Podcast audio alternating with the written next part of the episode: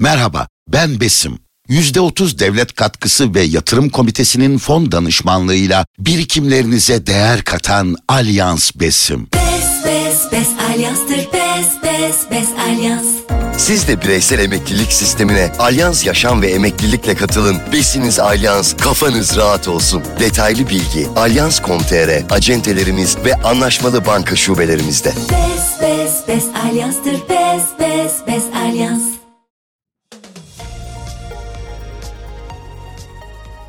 Kısa Dalga'dan herkese merhaba. Bugün 10 Kasım Cuma. Ben Demet Bilge Erkasap. Gündemin öne çıkan gelişmelerinden derleyerek hazırladığımız Kısa Dalga bültene başlıyoruz. Yargıtay 3. Ceza Dairesi'nin Anayasa Mahkemesi'nin Türkiye İşçi Partisi Milletvekili Avukat Can Atalay ile ilgili hak ihlali kararına uymayıp mahkeme üyeleri hakkında suç duyurusunda bulunmasıyla başlayan kriz büyüyor. Anayasa profesörleri, eski yargı üyeleri, avukatlar gün boyu yaptıkları açıklamalarda Yargıtay 3. Ceza Dairesi'nin kararının anayasaya aykırı olduğunu ve Anayasa Mahkemesi'ni de işlevsiz hale getirdiğini söyledi.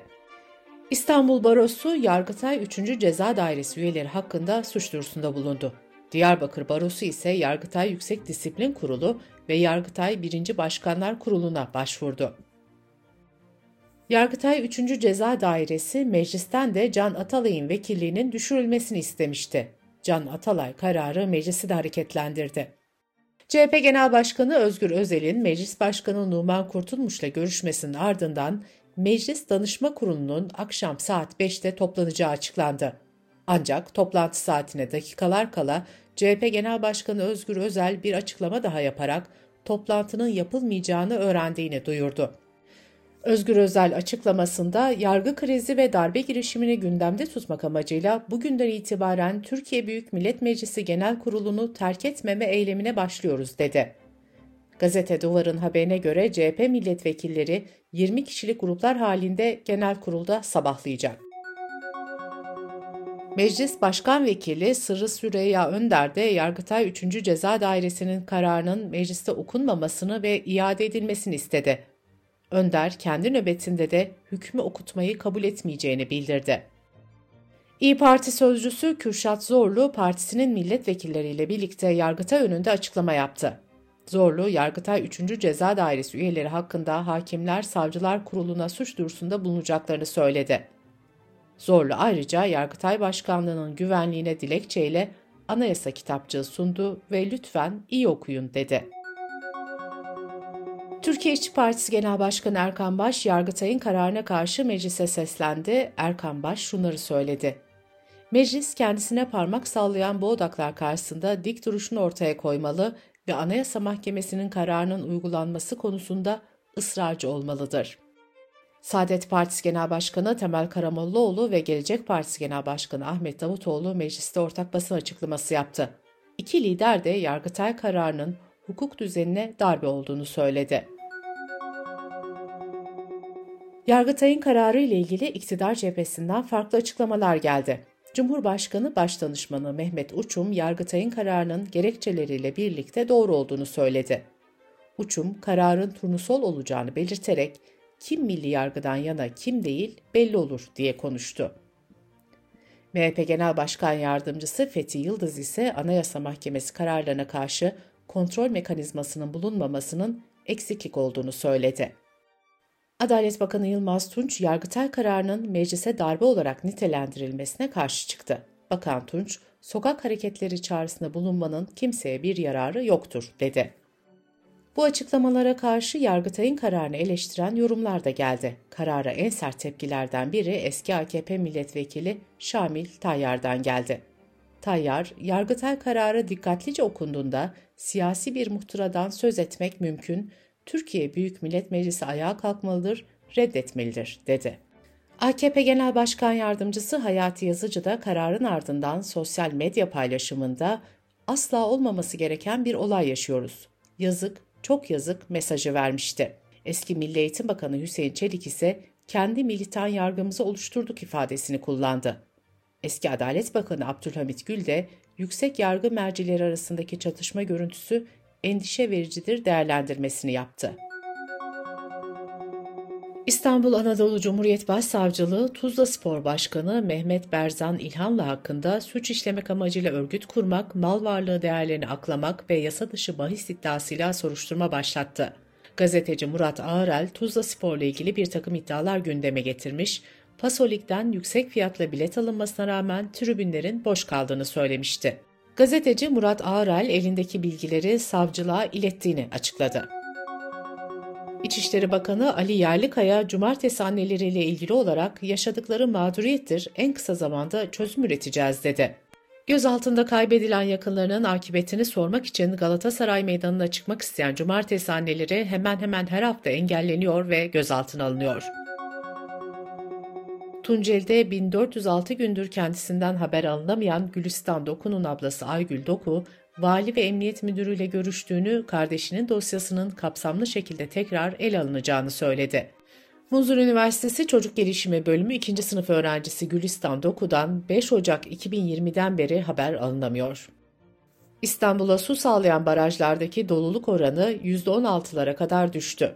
Profesör Doktor Levent Kurnaz İstanbulluların su kesintilerine hazır olması gerektiğini söyledi. Profesör Doktor Kurnaz, günde birkaç saat su verilip onun dışında bütün suların kesildiği bir İstanbul'u düşünmek çok zor değil, dedi. Kısa Dalga Bülten'de sırada ekonomi haberleri var. Serbest piyasada çiğ sütün litresi 12 liradan 15 liraya yükseldi. Fiyat artışı raflara da yansımaya başladı. Zincir marketlerde 1 litrelik sütün fiyatı 21,5 liradan 24 liraya yükseldi. Reuters haber ajansı, Türkiye'de bankaların enflasyon muhasebesine dahil edilmek için yetkililere talepte bulunmaya hazırlandığını yazdı. Enflasyon muhasebesi şirketlerin finansal tablolarını daha gerçekçi bir zemine oturturken daha yüksek vergi verilmesinin önüne geçiyor. Geçim sıkıntısının yoğun olduğu bu günlerde bankacılık sektörünün çok yüksek kar elde ettiği görünümünden kurtulmak istediği vurgulanıyor. Bu yüzden sektörün bakanlıkla bir toplantı talep edeceği de belirtiliyor. Japon otomotiv markası Mazda Türkiye'de otomobil satışlarını durdurdu. Mazda Türkiye'nin web sayfasında yer alan bilgiye göre satış sonrası hizmetler ve yedek parça tedariki devam edecek. Dış politika ve dünyadan gelişmelerle bültenimize devam ediyoruz. İsrail'in 7 Ekim'den bu yana abluka altındaki Gazze şeridine düzenlediği saldırılarda öldürülen Filistinlilerin sayısı 10.500'ü aştı. Öldürülenlerden 4324'ü çocuk, 2823'ü ise kadın. Gazze'deki Sağlık Bakanlığı sözcüsü İsrail'in şu ana kadar 120 sağlık tesisine hedef aldığını ve 193 sağlık çalışanını öldürdüğünü kaydetti. İsrail savaş uçakları da Gazze şeridinde Şifa Hastanesi ve Nas Çocuk Hastanesi çevrelerini bombalamayı sürdürdü. Sağlık Bakanı Fahrettin Koca, Gazze'de tedavisi yarım kalan kanser hastası çocukların Türkiye'ye getirilerek tedavi edileceğini açıkladı.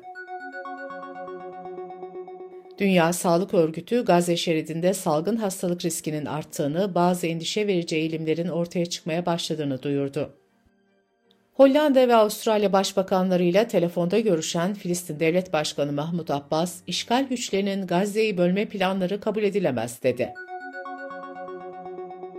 Cumhurbaşkanı Recep Tayyip Erdoğan, Özbekistan'da yapılan ekonomik işbirliği toplantısına katıldı. Erdoğan konuşmasında 11 bin çocuk kadın öldürüldü, dünya sessiz. Müslümanlar olarak sesimizi bugün yükseltmeyeceksek ne zaman yükselteceğiz dedi. Amerika'nın ardından Almanya'dan da Gazze şeridinin İsrail tarafından yeniden işgal edilmesine karşı oldukları açıklaması geldi. Belçika Başbakan Yardımcısı da İsrail'e yaptırım uygulanmasını ve Hamas'a finansman sağlayan isimlerin de yaptırıma tabi tutulmasını istedi.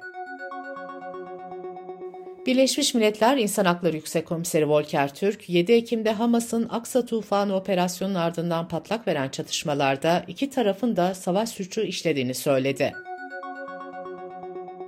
Amerika'da kongre çalışanları ateşkes yapılması için kongre binası önünde protesto düzenledi. Öte yandan ABD'nin İsrail'e desteğini protesto etmek isteyenler de ABD'nin Birleşmiş Milletler Daimi Temsilciliği önünde eylem düzenledi.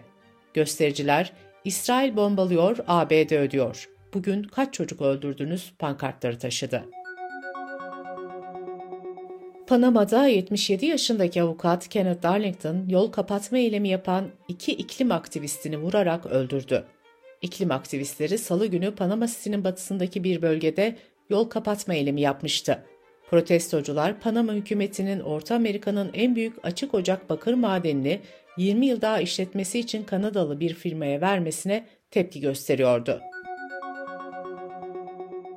Petrol şirketi Shell, Uluslararası Sivil Toplum Kuruluşu Greenpeace'e 2.1 milyon dolarlık tazminat davası açtı.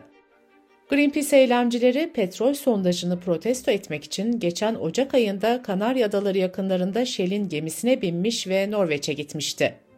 Dört Greenpeace aktivisti gemiyi yüksek hızlı şişme botlarla takip etmiş ve halat kullanarak gemiye binmişti. Hollywood'da 5 ayı aşkın süredir devam eden grevin sona ermesi için geçici anlaşmaya varıldı. Anlaşmayla oyuncular için daha yüksek maaş ve yapay zekaya karşı koruma sağlandığı bildirildi. Bültenimizi kısa dalgadan bir öneriyle bitiriyoruz. Ferda Karsu ve Mehveş Evin fisyon ve füzyon enerjinin farkını nükleer enerjinin avantajları kadar yarattığı büyük riskleri de anlatıyor. Mehveş Evin ve Ferda Karsu'nun podcastini kısa dalga.net adresimizden ve podcast platformlarından dinleyebilirsiniz.